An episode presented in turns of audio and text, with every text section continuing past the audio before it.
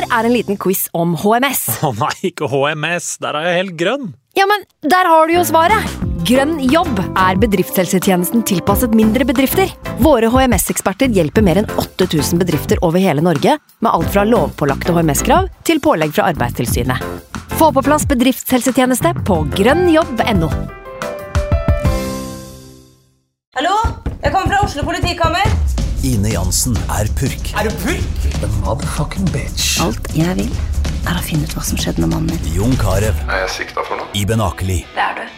Ole So, Lars Berrum og Big Daddy Karsten. Hvem sin side er du på, egentlig? Anette Hoff, Tone Danielsen, Kommer du fra Afrika? Jørnis Josef, Nesten. Kløfta. Trond Espen Seim, Det er synd å si det, men det var feil mann som døde. Purk. Premiere tirsdag på TV2 Play.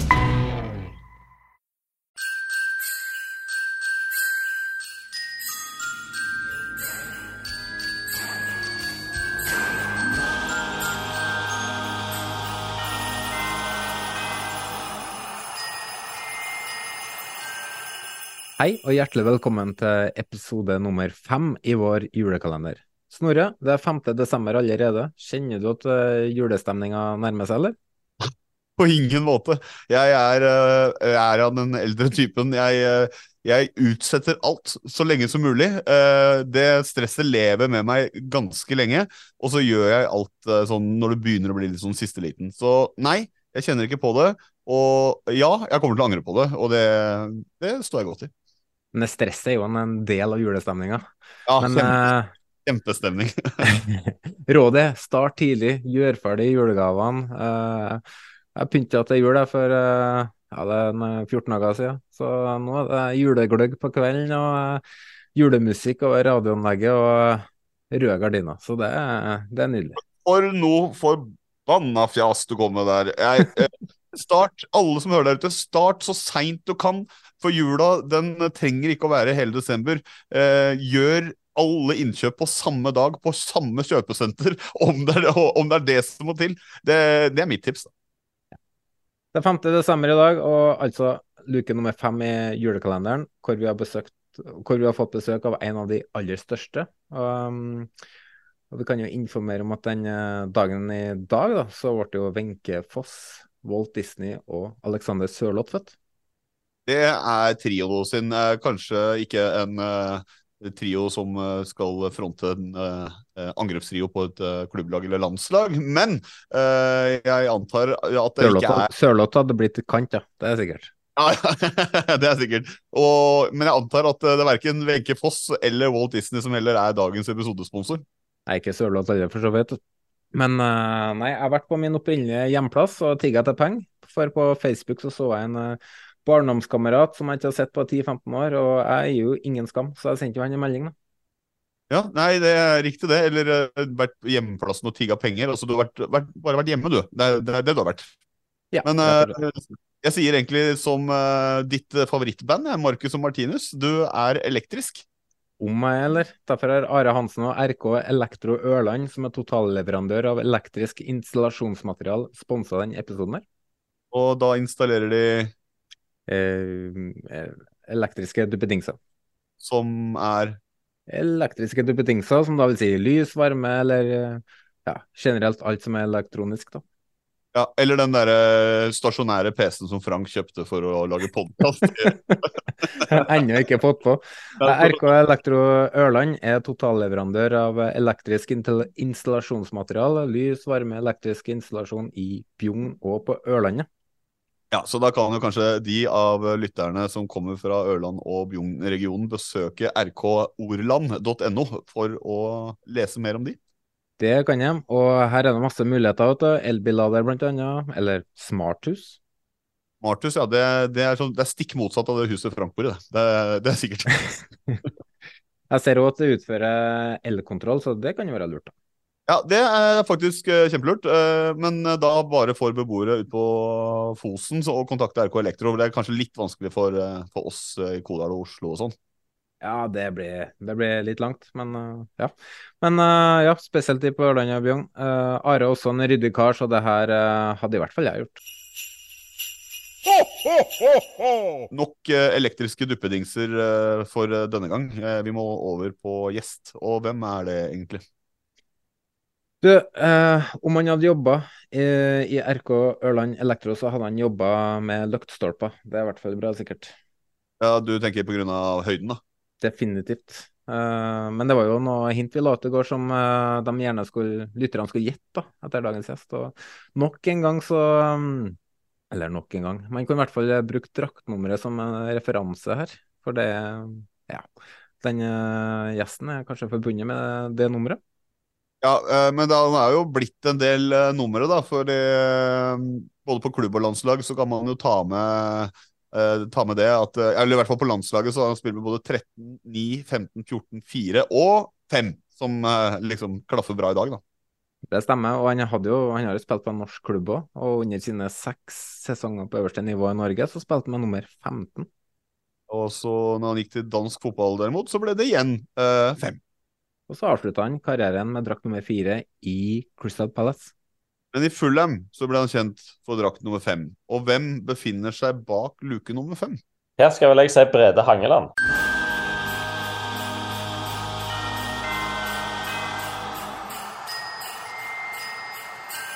Det skal du, vet du. Hjertelig velkommen eh, til oss, og takk for sist, eh, Brede. Takk, det samme. Hyggelig å være her. Ja, alt, eh, alt er greit eh, i, i starten av eh, førjulstria, eller? Ja, jeg er på linje med deg. Jeg venter til, til siste liten, så skal alt skje til slutt. Men det er klart, juletreet er jo på plass nå 5.12. Ja. Jeg visste at jeg hadde noe til felles mentalt med toppidrettsutøvere. Det er det eneste. året. ja ja, men at det er noe, det har jeg alltid visst. Men eh, vi hopper rett i det for å snakke litt eh, med og om deg. Eh, sportskoordinator på landslaget, er det riktig tittel du bruker om dagen? Ja, spilleransvarlig heter det vel egentlig sånn formelt sett, eh, hva nå det betyr. Eh, Men jeg ser på meg som en, som en eh, Ståle Solbakken-assistent. Gjør det jeg får beskjed om. Mm. Så, så hva konkret innebærer sånne oppgaver? Hva er det, hva er det han eh, ikke vil gjøre som du må gjøre, eller eh, hva, hvordan funker det? Nei, det kan jo være, det kan være hva som helst, men han, han har jo et team av folk som han, eh, som han kjenner fra før og stoler på. Og, sammen så, så tar vi ut eh, landslagstroppen, annet. Det er jo viktig å, å gjøre. Og så når det er samlinger, så er det jo å få forberedt gutta så godt som mulig. Eh, og så er, så, er jo, så er vi jo tilgjengelig mellom samlinger òg, i den grad de trenger det. Men dette er jo voksne folk, så det, så det er ikke sånn at eh, det er ikke sånn at de trenger hjelp til å skifte lyspærene uh, der de bor rundt omkring i Europa. Det, det klarer de sjøl. Ja, ja. har du en rolle inn mot det sportslige sånn du, du er jo der, men utfordrer du Ståle på taktikk, laguttak, og har du den rollen nå, eller? Ja, altså der, men der er det jo flere. altså Det er jo Kent Bergersen òg, som er assistenttrener. Og så har vi en fysisk trener og en analytiker. Så det er en liten sånn gjeng der som, eh, som er teamet til Ståle på det sportslige. Det vi kaller for trenerteamet. Og så har han selvfølgelig siste ord, eh, men han er flink til å lytte. eh, og, og eh, vil gjerne ha ja, ideer og alternative tanker òg, sånn at en forhåpentligvis kan komme fram til, til riktig strategi. Så ja, jeg er en av den gjengen der. Men eh, det har jo vært et langt liv i, eh, i fotballen til nå, og det fortsetter å dure på. Men la oss spole tilbake til eh, når du var uh, unggutt, sånn type 8-9-10 år, eh, og det først og fremst kanskje var drømmer som var uh, å som fotballrelatert av det man så for seg. Hva, hva drømte du om på den tida? Hva var liksom det den unge Brede Hangeland gikk og, og så for seg skulle bli den ultimate opplevelsen? Nei, altså jeg hadde vel en, en drøm om, uh, om eh, Premier League og Manchester United uh, var laget mitt når jeg vokste opp. Uh, og så var jo den ganske urealistisk. Men, men jeg sto nå på for å prøve å komme litt nærmere den drømmen. Trente, trente ganske voldsomt sammen med et par andre gode kamerater i den alderen der. Og trente nok litt mer og litt bedre enn mange andre. Men ja, drømmen var jo å bli proff, da. Sånn som, eh, sånn som eh, sikkert veldig mange har i den alderen.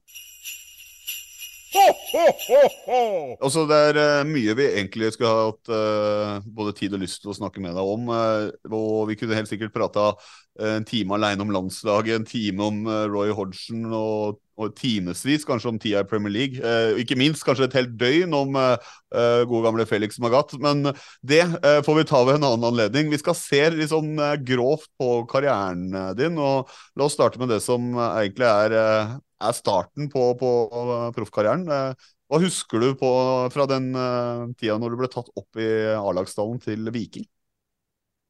Jeg husker det som en veldig fin tid. Uh, Benny Lennartson var trener, uh, og Viking hadde et godt lag. det ble vel noen tredjeplasser. Det, dette var en tid der Rosenborg dominerte norsk fotball. De var klart best, men vi var konkurransedyktige i enkeltkamper mot de, og, og ja, ble nummer tre. Vant et cupgull i 2001. Fikk spilt en god del europeiske kamper um, i det som vel heter Uefa-cupen den gangen. Uh, der vi bl.a. hadde en sånn veldig kjent seier. Slo Chelsea i Stavanger i 2002, var vel det. Så, så jeg husker det som veldig fine år. Fem år med, med gode trenere og fine lagkamerater og, og, veldig god utvikling, da. Så det var et perfekt sted å være uh, for meg i starten av karrieren. Mm. Uh, og hvordan, uh, hvordan, er det å være liksom, lokal unggutt, spille for, uh, for barndoms... Det, eller klubben som kanskje barndomshjertet banker hardest for, og, vinne et trofé, cupfinale trofé sammen med resten av laget, og attpåtil mot en, en, rival som Bryne. Hvordan, hvordan preger det et, et ungt sinn? Ja, det var jo fantastisk, det. Uh, selv om det, jeg har sett kampen om igjen. Det var jo en møkkakamp av dimensjoner. En elendig kamp. Uh, og så hadde jeg den spesielle situasjonen at jeg var faktisk i, i uh, førstegangstjenesten på rekruttskolen mens, mens, dette skjedde. Så jeg var jo da Dagen etter den cupfinalefesten, den pågikk jo ganske lenge. Da var jeg altså inne i Madla-leiren og sto oppstilt der. så det var jo totalt surrealistisk. Altså kollisjon av to verdener. Uh, veldig kult å vinne cupen og, og, stor stas på Ullevål, men en ganske brå oppvåkning igjen i uh, uh, ja, på, i, som, som rekrutt der i marinen. men Åssen var det når du sto oppstilt der og sto i ferdigstilling? Fikk du noe fra befalet, noen anerkjennelse på at ja, Brede, eller Hangeland, gratulerer, eller eh, bare ga de fullstendig beng? Jeg tror de ga fullstendig beng. Jeg kan ikke huske det. i hvert fall. Eh, det, jo, det, er jo litt sånn der at der skal alt altså Det skal være likhet. Og, så videre, og ingen særbehandling. og det, det, Jeg kan ikke huske at jeg fikk det, men jeg fikk jo i hvert fall fri til å dra og spille cupfinalen. Så det, det var jo noe. Men, uh, men, det var spesielt, altså. Det, jeg kom fort ned på bakken igjen der.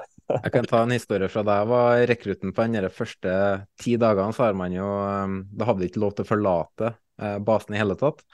Og uh, sportslig leder i min klubb sendte inn den søknaden på at jeg måtte være med på kamp til Trondheim. For laget var helt avhengig av at jeg sto i mål. og Derfor så, Og det var mye sponsorer og alt det der, så det var utrolig viktig at jeg var med. Så jeg dro til Trondheim og tapte 10-0. og selvfølgelig var du vel banens beste, om jeg kjenner deg selv uh, rett, uh, Jonas. Men, ja, men verst at jeg var ikke Det er ikke den dårligste kampen jeg har spilt, og det sier jo litt om ja. Jeg må spørre om deg, Når du uh, våkner opp til den reveljen uh, på Madla dagen etterpå, lurer du et halvt sekund da på om jeg vant jeg cupen i går, eller er jeg bare så sliten av uh, førstegangstjenesten her nå at jeg tror ikke helt på dette, dette kan ikke stemme? Nei, jo, altså det, jeg husker jo det selvfølgelig, men det var jo en total kontrast av verdener. For når du vinner cupen, da tar du jo, jo fly hjem, og så var det sånn mottagelse på torget i Stavanger og festivitas og alt mulig. Så, men eh, ja, jeg kom fort ned på jorda der, det, det kan jeg vel si. Det, så det var ingen fare for å ta av der heller. Men kanskje er det det som har, eh, skulle til for at det skulle løfte deg videre i karrieren. For det, det, var jo en drøm der om å spille Champions League-fotball også, kanskje? Eh, som mange andre unggutter. Og den fikk jo i hvert fall du oppfylt da når du dro til FC København etter 2005-sesongen. Uh, fra den tida i Danmark, da, hva sitter du igjen med fra, fra der? Jeg sitter igjen med utrolig gode minner. Altså Vanvittig kampantall. Det er kanskje det sterkeste minnet sånn sportslig. Eh, fordi at jeg var der i nøyaktig to år og spilte over 100 kamper.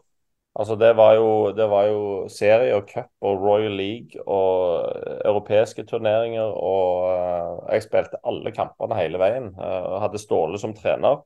Og så var vi, i hvert fall den gangen, det beste laget i Skandinavia. Det var en litt sånn samling av landslagsspillere fra Norge, Sverige og Danmark. Så det var jo en fantastisk opplevelse å, å spille for et så godt lag, vinne nesten alle kampene uh, og bo i København. så det var praktfullt på alle måter. så, og, og sånn, Jeg er jo takknemlig når jeg ser tilbake, for det var jo et, var et riktig steg. Det var, det var veldig riktig. Uh, det hadde sikkert vært litt for tøft for meg å gått til, direkte til Premier League eller Bundesliga eller et eller annet sånt, som òg var en mulighet.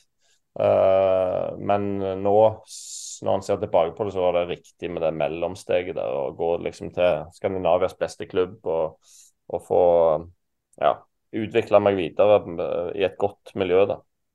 Så det var liksom tanken hele veien, at uh, Danmark, uh, hvis alt gikk etter planen, skulle være et mellomsteg og ikke et langvarig opphold, rett og slett? da? Ja, det var det. Og det vet jeg jo at det var for FCK òg. De, eh, det har jo Ståle fortalt meg uh, siden den gang, at de hadde sånne toårsplaner for, for spillerne. Uh, at de gjerne skulle utvikle seg og så, og så selges videre til, til, enda større fisker ute i Europa. og Det, det var det jo mange, mange FCK-spillere som gjorde den gangen, og som har gjort i, ja, i alle år siden den gangen. Så det, det er jo et springbrett fra, fra, nei, fra, skandinavisk til europeisk fotball. Mm.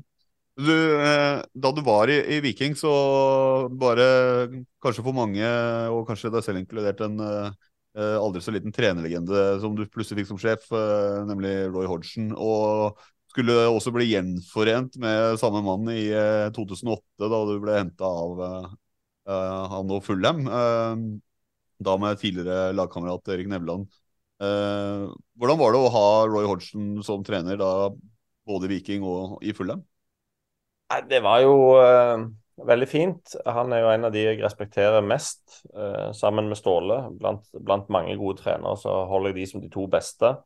Um, og det var selvfølgelig en, en, viktig faktor til at det ble Fulham. Uh, selv om at, hvis jeg skal være ærlig med meg sjøl, så hadde jeg hoppet på hva som helst i, i Premier League når muligheten kom. Vi gjorde jo eh, kanskje det òg, vi skal tilbake til det litt senere. ja, ja nei, så, men så ble, ble det nå Fulham, da. Alt var egentlig perfekt der, selv eh, bortsett fra tabellposisjonen. For at, eh, vi lå jo da og kjempa mot nedrykk det første året der. Eh, men da begynte Roy med sin magiske medisin, og så, og så gikk det akkurat. Og så, og så ble det jo noen veldig fine år påfølgende.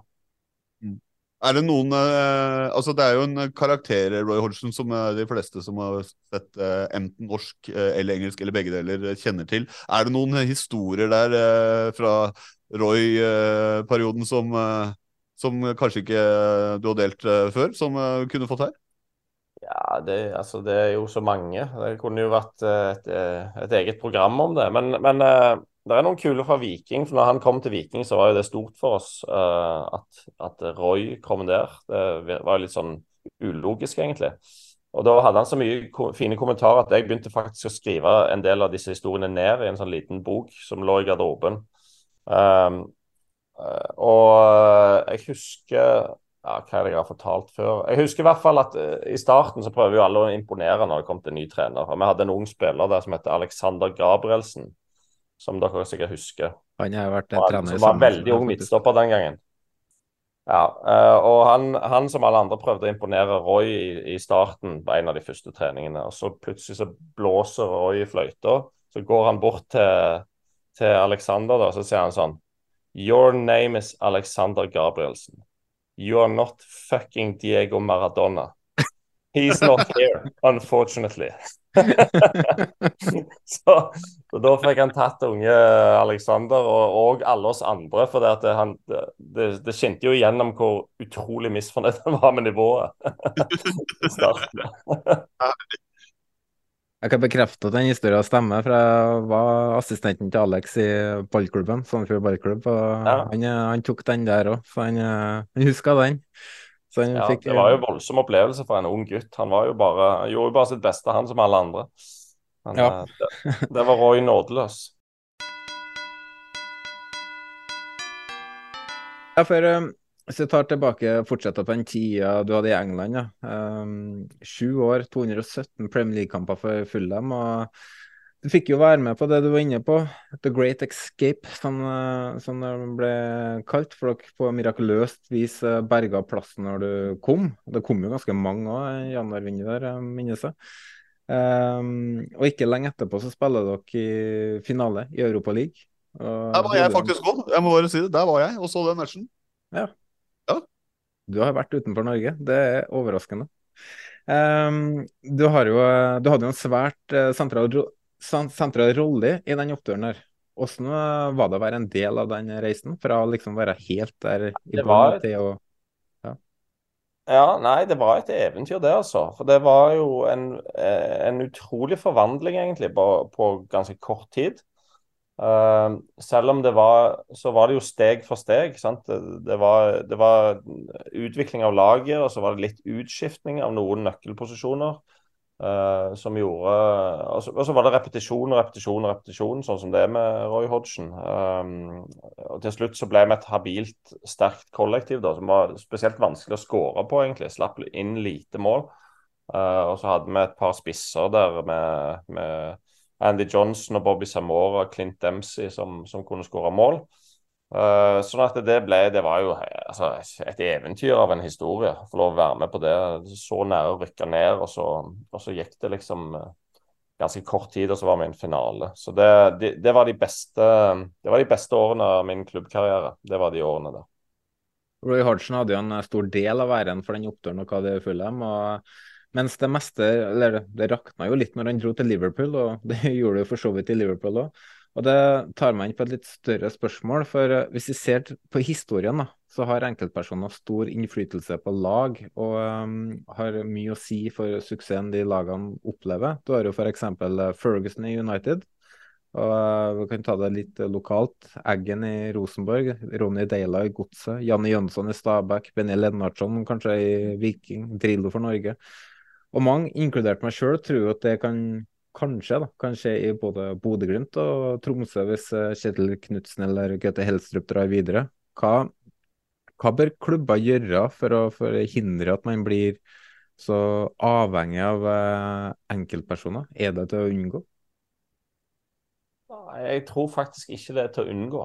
Uh, altså Det er jo så komplekst, dette samspillet. Hvorfor, uh, hvorfor er en trener et geni et sted og, og elendig et annet sted? Det er jo vanskelig å, forstå noe annet enn at det må handle om at det plutselig klikker med, med både med administrasjon og spillergruppe osv. ett sted, og så, og så fungerer det ikke så godt et annet sted. For, for kompetansen må jo være noenlunde den samme hos treneren når han drar fra en klubb til en annen. Så det der er jo, det er jo veldig, veldig paradoksalt, egentlig. At, uh, at uh, det kan være så stor forskjell. Ta Roy Hodgson som eksempel. Genierklært i Fulham, og så nærmest en fiasko i Liverpool. Akkurat i hans tilfelle så tror jeg det faktisk handler litt om at han, han er en typisk trener som er underdog-trener. Mm. Som, som, uh, som, trenger et lag som slår litt nedenifra, der, der det er total lojalitet osv. Og, så og så har du andre trenere som passer bedre til, til å trene de store lagene. De, de store karakterene og de store egoene. Så der har du i hvert fall sånn ett perspektiv på, som, du kan, som, du kan, bruke på å dele trenerstanden da litt. Men, men uh, det, er et, det, er noe av et mysterium, det der. At, uh, at en trener kan være fantastisk ett sted, og så mislykkes et annet sted. Når, det, når de klubbene kan ligne til og med veldig. så, så det er jo en av de tingene som gjør at vi syns fotball er veldig spennende. Ja, akkurat. Og Vi har jo snakka litt om det i podkasten med at uh, Geir Bakke bare skulle fra Lillestrøm til Vålerenga, så skulle alt ordne seg. Men uh, så ser vi at det er jo ikke så enkelt. Men sist du var innom, så hadde du en uh, Felix Magath-historie. Har du en ny en på lur nå, eller? Var det ostehistorien jeg fortalte sist? nei. Åssen historie var det du tok sist? da? Det står det helt stilt om her. Jeg tror det må ha vært det. Um, Men eh, nei, kan jeg fortelle min første samtale med han? Um, for det var spesielt. altså Han kom jo, og vi hadde hørt ryktene om han. Uh, og så var jo jeg kaptein, men det gikk altså fem dager før han snakket til meg. Det er jo litt spesielt. Uh, men så satt vi da og skulle spille borte mot West Brom, tror jeg det var. Satt på, på et hotell i Birmingham. Og så vinka han meg bare bort kvelden før kamp. Uh, nei, det var på kampdagen, var det faktisk. På, på det matchmeal rett før kampen, noen timer før kampen. Så vinka han meg bort til bordet hans. Og så satt han der med en kopp te, og så satt han og rørte i den tekoppen der. Og Jeg husker det der som en evighet. Sikkert ett minutt satt han og rørte i den tekoppen uten at noe ble sagt. Og test det ut. Test det ut med en venn, hvor, hvor langt det minuttet der blir. Spesielt hvis du ikke kjenner uh, vedkommende, som var ny manager. da. Og så til slutt, når det har gått et minutts tid, så sier han bare 'Do you want to play?' Så svarte jeg 'yes', og så sa han 'OK, you play'. det var min første samtale med den nye treneren. Førsteinntrykk er alltid viktig, vet du. Ja da, men der tenkte jeg at dette kan bli utfordrende. Ja. Den historien du tok sist, var fra da dere møtte City. Uh, han krangla ja, med dere. Riktig. Ja. Jeg regner med det er mange på lur der. Ja, det er mange. mange. Nå er det jo morsomme historier, men det var jo uh, Ja, den gangen var det jo uh, dypt deprimerende. Du har jo materiale til å skrive en fantastisk bok, du. Men uh, Felix Magat versus Roy Hodgson. Ja. Det er bare jeg og Felix, og så en, en, en Brede Hangeland-historie. Ja. ja. ja, nei, det er, for, det er en mulighet. Men uh, hvis du ser tilbake på karrieren din uh, og, og, skal tenke over om det er noe du kunne gjort annerledes, uh, gjort noen andre valg eller andre vurderinger som fikk betydning, er det noe som dukker opp? Jeg er egentlig veldig fornøyd med, med klubbkarrieren min. Altså, jeg kunne jo kanskje kommet meg til en enda større klubb det var jo noen år der når jeg var liksom på høyden at det, var, at det var snakk om større klubber. Men da var jeg egentlig såpass jeg var så fornøyd med å være i Fulham i den perioden. Det, det, kan jo høres litt sånn defensivt ut, men jeg var jo en jeg er jo en fyr som, som uh, alltid har tenkt at fotball eller at karrieren er mer enn bare kampen på lørdagen. da. Det er òg hvor du bor og hvem du trener med osv. Så, videre. så jeg, jeg, står eh, fint med det, de valgene der. Det, det, som mangler, er jo et, et sluttspill med Norge Eh, opplagt. Sant? Der er jo jeg en av de som sikkert totalt sett på 2000-tallet har brukt mest tid og krefter på å prøve å få Norge inn i et sluttspill uten å klare det. Så, så det mangler jo. Eh, så får vi håpe at det kan løse seg i framtiden. Men, men uh, så er det sånn, hva kunne jeg gjort med det? Jeg, jeg, jeg har noen ganger tenkt at jeg kunne vært strengere på landslaget. Altså vært enda tøffere. Uh, jeg, var, jeg, var, nok en leder, eller jeg var jo en leder i, i mange år på landslaget, men, men uh, det der å være, det å være streng med folk og, og, sette tøffe nok krav, det er ikke så lett, liksom, når det er Jon Arne Riise og Jon Carew og osv. Så, videre. så Så det, kanskje kunne jeg vært bedre på det. Ja, for Det var jo snakka en del om ukultur på landslaget på den tida der, og det er jo selvfølgelig lett å si når resultatene ikke uh, går rett vei. Men det var jo Det er jo ikke feil å si at uh, noen av de som var på landslaget på den tida, var litt primadonna, eller?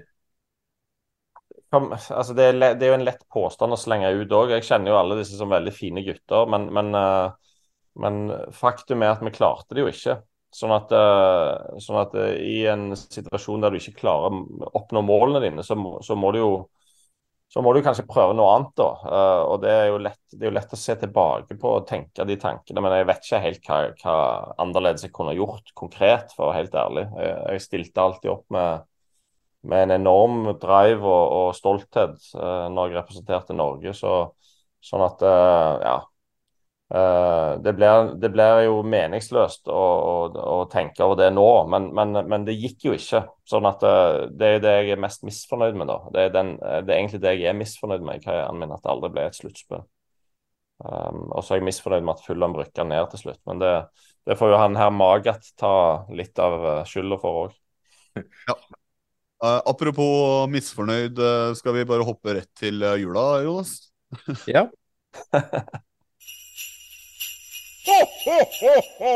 Eh, Det nærmer seg jul, Brede, og eh, har jula en betydning, eh, spesiell betydning for deg, eller? Ikke, ikke veldig. Jeg har jo lært å sette pris på den jula mer nå, i, i, altså når karrieren er ferdig. Det er jo, Hvis en skal være ærlig, så var jo jula i England var jo den tyngste perioden. Uh, det, jeg syns det var nesten surrealistisk å ha jul i Premier League. For at du, du fløy jo rundt og spilte kamper hele veien. og ja, Svigermor smugla inn pinnekjøtt, og du fikk så vidt smakt på det liksom før det var av gårde. Uh, så, så det har blitt bedre. Uh, men jeg har ikke noe spesielt uh, nært forhold til jul. Det, nå er det, det beste med jul for meg nå at det er fri. så det syns jeg jo er kjekt.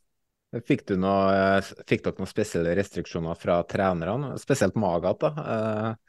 Var det ligge i stabilt sile og spise ost, eller var det Ja, han var jo ikke der heldigvis i jula, han kom i februar. Uh, sånn at eh, Nei, det var vel Altså Det er jo frihet under ansvar og alt med måte, liksom, de fleste praktiserer. Sånn at, eh, men jeg husker jo at det, det var jo trening på julaften. Og så var det jo trening på første juledag, og så var det jo boxing day, sant? eh, andre juledag. Og så kom det jo en kamp igjen fjerde juledag, så det måtte du være klar over. At, at det kom en 26., og så, og så en en dag imellom, og så skulle du varme opp igjen. Den, på den 28. der, det er håpløst, altså. Prøve å få kroppen i gang der når det er kaldt, og du har spilt kamp 40 timer tidligere. Det er jo nesten til å le av. Så det, Ja, for- det savner jeg ikke. For du spilte, du, du ble ikke rotert ut. Nei, det, var, jeg jeg, altså, jeg, det er jo en av de tingene med karrieren min da, som jeg er fornøyd med og stolt over. At jeg spilte jo enormt med kamper hele veien. Sto aldri over noen ting. Så jeg har, jeg har fem sesonger med borti 60 kamper midt i karrieren min, og det er jo mye. Sant? Så det er 300 kamper på fem år. Så nei, det var lite hvile. Jeg har faktisk aldri, dette er sant, aldri vært på benken på Craven Cottage.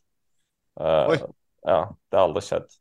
Ikke når du spilte for Palace heller. Nei, de rykka ned, de. Så det var... Ja, nei, altså, en treningskamp for Palace har jeg starta på benken på Craven Cottage. Det er den ene gangen. Det husker, grunnen til at jeg vet det, da husker jeg jeg tenkte at her har jeg aldri vært før. Og følte det var helt ukjent uh, område. Men Jeg eh, spiller ikke treningskamper, da. Så det, det står den. Ja. eh, tilbake til jula, da. Er det noen spesielle planer for eh, jula i år, bortsett fra det å ha fri? Nei, er det noen planer? Det som er en veldig hyggelig tradisjon som vi har, da, med denne gjengen som vi snakket om som vant um, cupen for Viking, vi har da et julebord. Det er kanskje det kjekkeste som skjer i jula. Tredje juledag, um, og så går det på rundgang, og så blir det lagt uh, mat, og det blir drukket noe godt i glasset, og så blir det masse røverhistorier. Så det er kanskje, det er kanskje høydepunktet i jula. Tar du med, tar du med boka fra Roy da, og leser opp? Ja, det, alle kan de utenat. Ja. Uh, sånn at, uh, men de blir jo selvfølgelig bedre og bedre for hvert år som går. For hver akevitt. Ja. Er noe, hva er det du må ha servert på julaften? Er det ribbe eller er det pinnekjøtt? Du, jeg, egentlig, jeg bor jo i en del av landet der det egentlig er pinnekjøtt, uh, men, men jeg blir happy med begge deler. Mm. Så det er vel i, i min familie er det pinnekjøtt, altså, som, som pleier å bli servert. Jeg eh, står fast, jeg finner ikke noe julegave å kjøpe til min eh, gode samboer. Har du noen tips, eller? Ja, jeg har et tips. Eh, det som virker veldig bra, det er at du bare sier sånn ehm, Hva er det du egentlig har lyst på til jul? Så svarer de på det, og så spør du hva koster det? Så svarer de på det, og så gir de pengene. Den er ikke dum. Den er ikke dum, det skal, det skal jeg ta med meg. Jeg mener at eh, en moderne mann eh, må kunne så mangt, men akkurat det med julegaver, det outsourcer du til kvinnene, altså. Ja, Det er, det, ta det, er ikke dumt. Jeg kan ikke noe av andre heller, da, så noe må jeg jo kan, tenker jeg.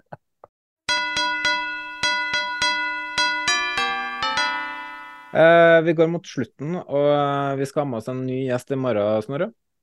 Ja, eh, i morgen så får vi da nok en gang med oss en tidligere spiller. Med drakt nummer Ja, faktisk med nummer seks, så den passer jo bra, den. da. Roar Strand, ja.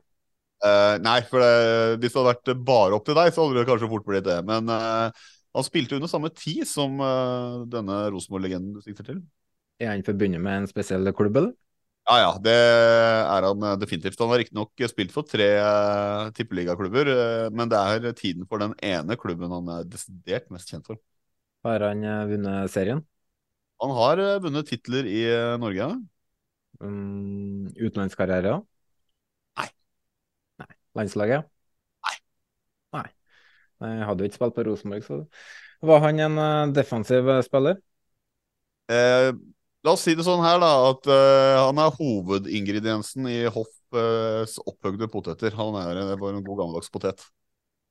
Brede, veit du hvem det her er, eller? Nei, jeg tenker så det knaker. Men jeg er ikke sikker. Har du noen å skyte ut av? Snakker vi om en mann som har to Ja. Ja. Da har jeg en idé. Kan, har jeg lov å si det? Da må dere ja, ja, vi fjerner det, eller vi sensurerer det, vi. Så. Vi beeper ut alt som kan uh, oile her, ja.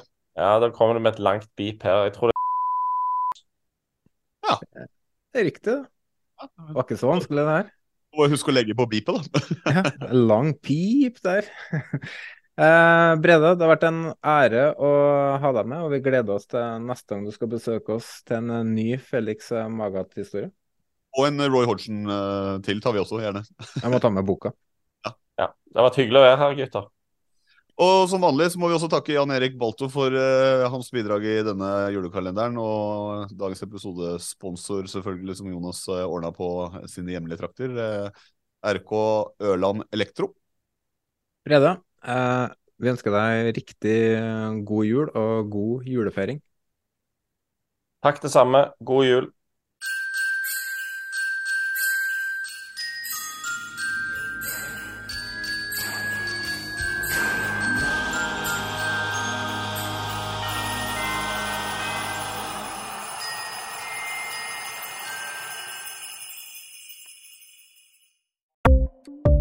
Ukens annonsør er HelloFresh. HelloFresh er verdens ledende matkasseleverandør og kan være redningen i en travel hverdag. Mange av oss har nok vandret i butikken både sultne og uten en plan for middagen, som ender med at vi går for de samme kjedelige rettene gang på gang. Middag burde være dagens høydepunkt. Som HelloFresh kan du nå velge mellom 25 ulike retter hver eneste uke, eller få HelloFresh til å sette sammen menyen for deg. Dette gir deg muligheten til å prøve nye og spennende retter alene eller sammen med familien.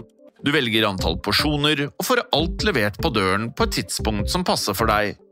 Oppskriftene er enkle, og maten er lett å lage både for store og for små.